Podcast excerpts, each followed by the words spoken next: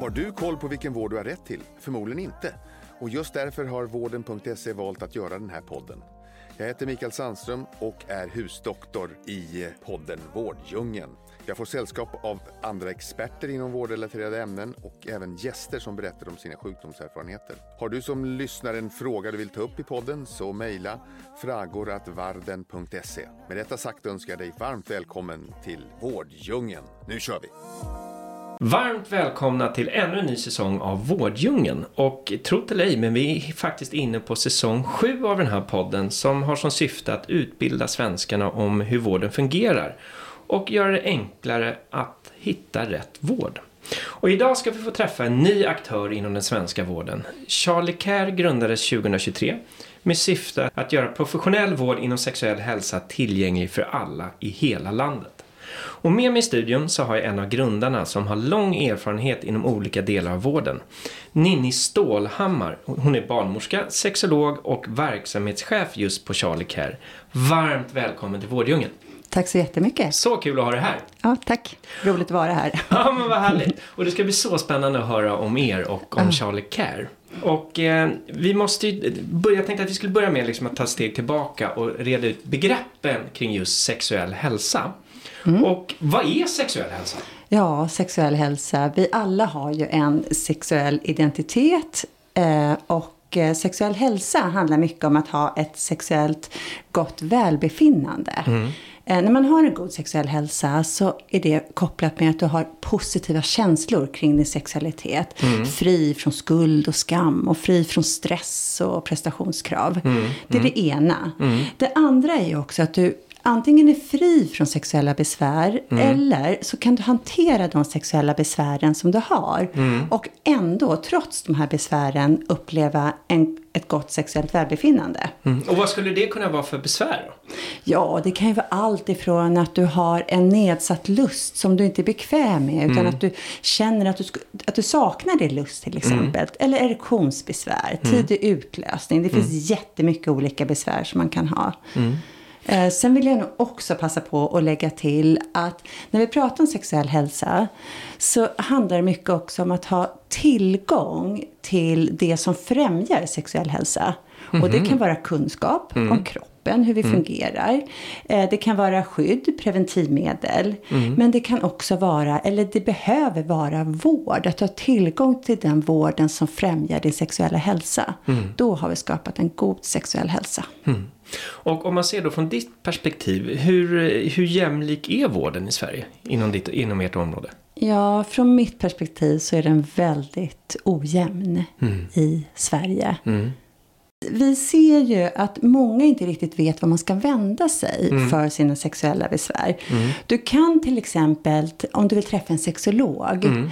så om du bor i Skåne mm så kommer du sannolikt att hitta en sexolog. Mm. Kanske finns det, eller troligtvis så är det långa väntetider. Mm. Men om du vill söka en sexolog högre upp i Sverige mm. eh, så kommer du, en privat mottagning kan du hitta som längst högst upp är eh, Östersund. Okay. Och då har du nått halva Sverige. Ja, ja. Eh, det är det. Och mm. sen tänker jag också att vi har ju mottagningar för sexuell hälsa i mm. Sverige. Mm. De finns ju i de stora städerna. Mm. mm. Men, och då måste jag fråga, sexolog, vad gör en sexolog?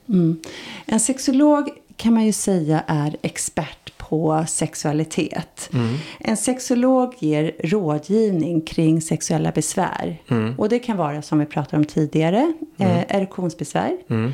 Det kan vara nedsatt lust.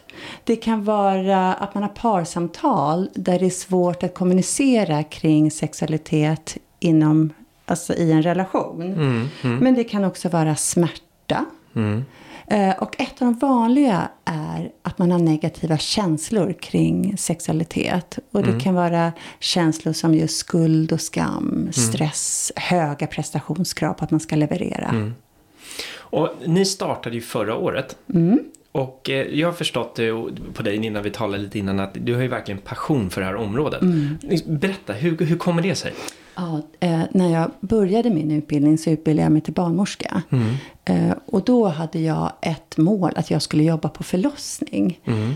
Men så, så började jag jobba en kort tid på en ungdomsmottagning. Mm. Och så mötte jag väldigt många unga människor som söker då till eh, mottagningen. Kanske söker för preventivmedel. Mm. Men sen när jag då skapar för dem en trygg miljö, att samtala om sexualitet. Mm. Så kom det otroligt mycket frågor kring sexuella besvär. Mm. Och det är så otroligt många som lider i onödan. En okunskap helt enkelt, eller? Ja, eller så är det just den här stigmatiseringen. Mm. Att eh, en sexuell hälsa, det är någonting privat. Mm. Det är svårt att söka för. Har jag besvär så skäms jag så mycket. Så Mm. att jag vågar inte söka. Mm. Och det var någonstans i den här frustrationen hos mig att jag såg att om vi bara kan börja prata kring sexuella besvär och om det är helt okej att som människa ha sexuella besvär då kan jag också våga söka vård kring mina sexuella besvär. Så det var någonstans här som min passion växte för att jag kan göra så mycket genom att bara ge goda råd för de som lider av sexuella besvär. Och hur får du personer då öppna upp sig? Mm. I och med att det är så tabubelagt som du, som du nämnde. Ja, eh, det... För det första handlar det mycket om att vara, ha en, en personlighet som skapar en trygg miljö för den här personen. Att personen känner att här, jag vet att här kan jag öppna upp mig. Hon lyssnar på mig och hon tar mig på allvar och hon dömer inte mig. Eh, det är nog det första, tänker jag. Att vara tillgänglig. Och det gör jag med hela mitt kroppsspråk. Och också med de ord jag väljer. Att, jag, att jag öppnar upp samtalet. Jag visar att jag kan det här ämnet. Och när, när vi tittar på det vårdsystemet vi har i Sverige, det är som ett ekohjul hela med olika professioner. Och hur, hur ser ni liksom Charlie Cares position i det här? Och Ja. då, då, då tänker jag både liksom inifrån professionen och ut patienternas perspektiv. Hur, liksom, vilken kugge har ni i Ja. det här gigantiska hjulet? Vi har en jättestor kugge. Ja. Eh, Det som är så fantastiskt med Charlie Care det är att vi kan möta människor var de än befinner sig i hela Sverige. Genom att erbjuda eh, digital rådgivning med sexolog så når vi ju alla i hela Sverige. Det är den första. Eh, och också att när, när modet kommer till mig, när jag känner att nu kan jag söka, nu har jag verkligen samlat mod till mig. Då finns vi där. Enkelt, tillgängligt. Eh, vilket gör att jag behöver inte boka en tid till någon annan aktör och vänta de här tre veckorna på att få den tiden för att det ska bli min tid. För under de här tre veckorna så kommer jag sannolikt att känna att modet sviktar och jag bokar av den här tiden. Så man Så- har det här liksom fönstret av möjligheter. Det är då man Exakt. ska... Ja. Ja, att vi fångar dem just när modet kommer till mig. Då fångar vi dem. Det är det ena. Det andra som jag skulle vilja lyfta här också, det är våran kompetens. Vi vet att när, eller alla som söker till oss eh, kommer att mötas av sexologer med lång och gedigen kompetens. Det är superviktigt. Och den tredje, det är tryggheten. I- När jag söker till Charlie Care så kan jag, jag kan sitta hemma i min soffa där jag känner mig lugn. Eh, eller många sitter i bilen och tar samtalet. Där jag liksom parkerar på någon parkering någonstans. Eller på en promenad i skogen. Jag väljer min egen trygga miljö där jag verkligen vågar. Och då, måste jag fråga, hur kommer man i kontakt med er? Och du nämnde där med tillgänglighet och ponera att jag lyssnar på det här programmet. Att, men nu tar jag mod till mig. Hur ser processen ut? Ja, den är enkel. Ja, den är det. Ja, Ja. det är bara att gå in på www.charliecare.se. Ja. Där kan du läsa massor om de här vanliga sexuella besvären du kan söka för. Du kan också söka för ännu fler besvär än de som finns uppräknade där. Och då loggar du in med BankID och eh, bokar en tid till den sexologen som du känner att du vill komma till och prata med. Och hur lång väntetid? Du nämnde tidigare, liksom i traditionella systemet, Mm. eller tidigare så kan det ta upp till tre, tre veckor, en månad, någonting sånt. Hur lång tid behöver man vänta hos er, ungefär? Of, ja, oftast har vi tid närmsta dygnet. Otroligt. Ja. När du nämner det här ämnet kring stigmatisering kring det här området, Mm. vad, vad är det liksom som ligger för underliggande faktorer kring det? men Om vi skulle liksom djupdyka lite i det, liksom, vad Ja. är Men om man tänker på stigmatisering så är ju det en starkt bidragande, bidragande orsak till att vi har det här enormt stora mörkertalet. Mm. Flertal undersökningar visar ju på att det är otroligt många som lider av sexuella besvär. Mm. Och vi möter ju dem också i vår verksamhet. Mm. Eh, där orsaken kring det är just stigmatisering. Och vad är det då som ligger bakom den här stigmatiseringen? Vad är det som ligger bakom att vi inte kan prata kring sexuell hälsa eller sexuell ohälsa? Mm. Jag tänker att det är redan från när vi växer upp. Är vi för pryda eller? Vad? Ja men lite att vi inte pratar med varandra om sexualitet och eh, kanske finns det någon som tar på sig själv liksom, när man är liten i familjen och mamma och pappa säger nej men usch gör inte det där. Mm, eller, mm. Det är sakta under hela livet. Vi kommer till skolan, vi pratar inte om det, vi fnissar om det istället. Mm, mm. vi har en dag per termin när vi ska prata kring sex. Men då skrattas det mest bara. Då skrattas det bara. Det är, det är så mycket hysch-hysch. Och sen tror jag också, för många män så tror jag att det är mycket kring den här maskulinitetsnormen. Mm. Att vi förväntas vara så otroligt själva självsäkra. Vi ska bara kunna det här. Vi ska mm. inte lära oss. Vi ska kunna det redan. Mm. Och när vi inte kan det, mm. då kommer de här otroliga känslorna kring starka prestationskrav som dessutom sätter liksom käppar i hjulet för oss för att vi överhuvudtaget ska kunna lyckas. Det finns nästan mm. som den här liksom utopin hur man ska vara i de olika rollerna kanske. Verkligen, så är det. Ja. Så mycket prestation i det hela också. Mycket prestation och otroligt mycket för förväntningar på hur hur parlivet ska vara. Vi ska ha sex med varann och det ska mm. vara, det ska bara ingå. Mm. Men det som är intressant när man tittar på par mm. eh, är att par som mår bra i relationen lägger oftast inte så stor vikt kring den sexuella hälsan. Intressant. Ja, men när det blir problematiskt i relationen, det uppstår konflikter kring mm. annat och relationen man har sina utmaningar. Mm. Då helt plötsligt så lägger vi väldigt stor vikt på, på den sexuella hälsan. Mm. Och säger, ja men vi har ju inte ens sex så som jag önskar. Och vi funkar ju inte. Du har ju aldrig lust. Och så börjar vi skuld och skambelägga mm. varandra istället. Mm. Så att det, ja. Och, och då blir jag väldigt jättenyfiken. Mm. Ponera då, för eh, det tror jag de flesta kan relatera till den här Liksom, om tänk dig att du har en, eh, att du ska dela in en relation i olika portioner. Mm. Och om du skulle säga liksom, den här vanliga relationen för vardagen att funka och allting. Men hur stor del av en vanlig relation skulle du säga är, har med ja, sex att göra? Exakt. Eh, den frågan har jag sökt. Jag har sökt statistik där. Ja. Inte just relationen utan jag har tittat på människan. Ja. Hur stor del av människans totala hälsa mm. utgörs av den sexuella hälsan. Mm. Jag har tyvärr inte hittat någon siffra Men vad är, din, vad är din bästa min, uppskattning då? Min bästa uppskattning är, men då måste vi lägga in att sexuell hälsa också handlar om vår sexuella identitet. Mm. Att mm. jag då, att jag får vara kvinna som jag önskar. Eh, och då skulle jag nog vilja säga ja, men halva jag är väl min sexualitet. Mm. Och om mm. jag inte får må bra i min sexuella hälsa mm. då kommer det sannolikt eh, slå över på andra delar av, av min kropp. Min mentala hälsa. Mm. Till exempel. Och ponera att du har ett, ett parsamtal. Mm. Tyst.